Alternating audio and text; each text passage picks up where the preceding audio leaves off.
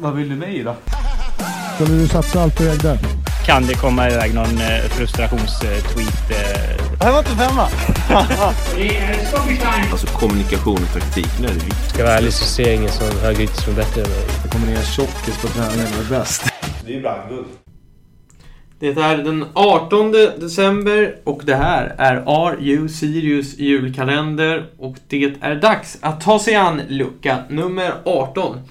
Eh, som eh, de flesta kanske känner till så är det ju Jesper Arvidsson som har tröjan idag och andra som har haft numret är till exempel talangen Jakob Björk som ni minns säsongen 2012 på ett lyckat innermittfält med bland annat Kim Skoglund.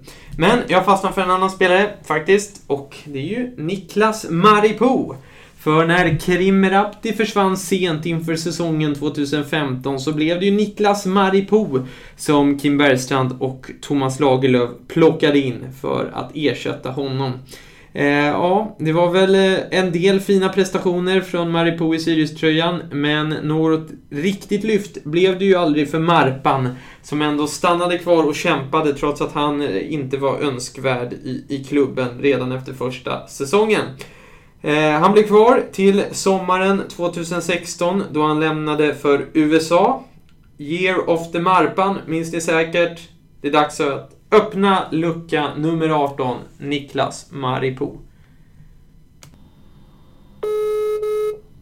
Eh, men Niklas, nummer 18, hur kom det sig att du sprang runt med det i, i Sirius-tröjan? Eh, det har egentligen alltid eh, i fotboll varit mitt favoritnummer faktiskt. Jag hade Scholes, Paul Scholes som idol, så 18 kommer därifrån. Hur viktigt har det varit att eh, ha nummer 18? Eh,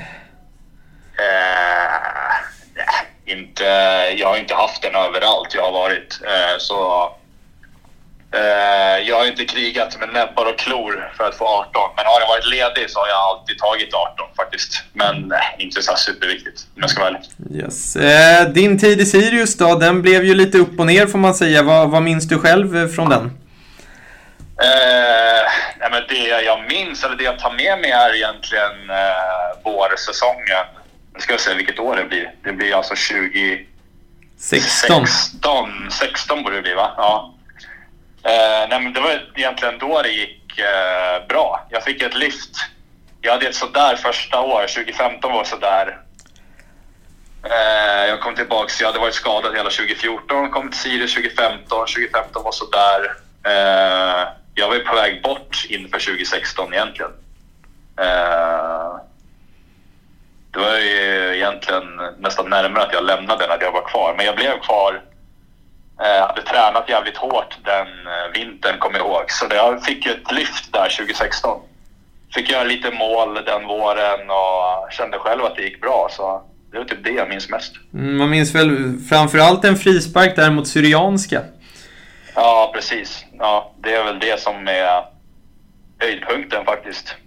I min Sirius-tid. Det är väl det målet kanske. Vad, vad var det som gjorde sen att det liksom aldrig... Ja, det var ju en bra, bra vår där och ger of the Marpan och allt vad det var. Men sen så lämnar du ändå. Vad, vad var det som hände efter det? Eh, det var egentligen inte konstigare än så att, eh, men som jag sa, inför efter 2015, den säsongen. Eh, så jag satt ju mycket på bänken där på hösten. Fick inte spela mycket alls. Eh, och så hade jag snack med, med Kim och Tolle. Eh, och då sa de att, eh, att jag kunde söka mig vidare. Eh, så jag kollade runt lite men hittade, det fanns väl lite intresse sådär, men det var ingenting som jag nappade på då. Så då bestämde jag mig för att stanna och, och försöka kriga till en plats. Eh, sen så gick det bra, eller bättre där på våren. Och sen så hade jag ett möte till med dem framåt sommaren när den här amerikanska klubben visade intresse. Eh, Egentligen ville jag stanna i Sirius, men då hade jag möte med dem bara för att se hur de såg på min situation och då ja, fick jag väl det enkla svaret att de tyckte att jag hade gjort det bra men inte såg någon, eh, någon större framtid för mig i Sirius. Så då blev, då blev det ganska enkelt val att hoppa på det USA-äventyret. Så det var egentligen inte svårare än så. Yes. Hur följer du Sirius idag? Eh, jag har ganska bra koll. Eh, jag är en sån, jag, jag älskar att kolla svensk fotboll så jag sitter och, jag kollar mycket allsvenskan. Eh, så man har koll. Jag har lite, några polare kvar. Ian är kvar, CG. Eh, Robert Roman Persson är jag bra kompis med, så jag känner ju ett gäng killar i laget. Lukas är kvar. Eh, det är säkert någon jag glömmer nu, men eh, jag har ganska bra koll. Jag kollar många matcher. Yes. Eh, det snackas ju även en hel del om heta paddelmatcher här som du är inblandad i mot Sirius-spelare. ja, jag har smiskat på Ian några gånger. Ja, det är väl inte hans Alltså, version Ian- riktigt. Det kan du ta med i, eh, vad var det, var det julkalender? Du Ja. kan ta med Ian. Ian vågar inte möta mig i padel längre. Så långt har det gått. Ja, vilka, är, vilka är det mer som har varit med? Det är Ante Björkebaum har väl varit med där, eller vilka är det som Precis. du brukar spela mot? Eh, ja, det, det började ju med typ tre, år- tre år sedan var det Ante och Ian. Eh, som jag, jag och Sundgren mötte dem. Det var, vi var antagonister. Det var jag och Sundgren mot, eh, mot Ante och Ian.